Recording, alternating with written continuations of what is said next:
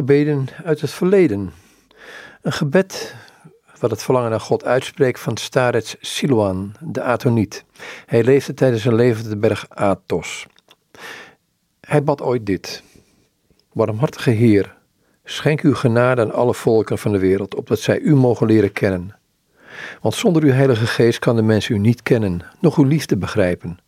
Heer, zend uw Heilige Geest op ons neer, want gij en al het uwe wordt slechts gekend in de Heilige Geest, die gij in de beginnen aan Adam hebt geschonken, en later aan de heilige profeten, en vervolgens aan de christenen.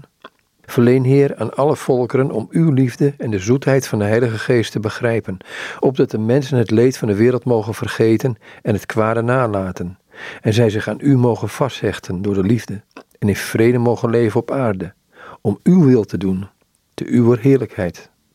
Heer, maak ons waardig voor de gave van de Heilige Geest, opdat wij uw heerlijkheid mogen begrijpen en in vrede en liefde op aarde wonen.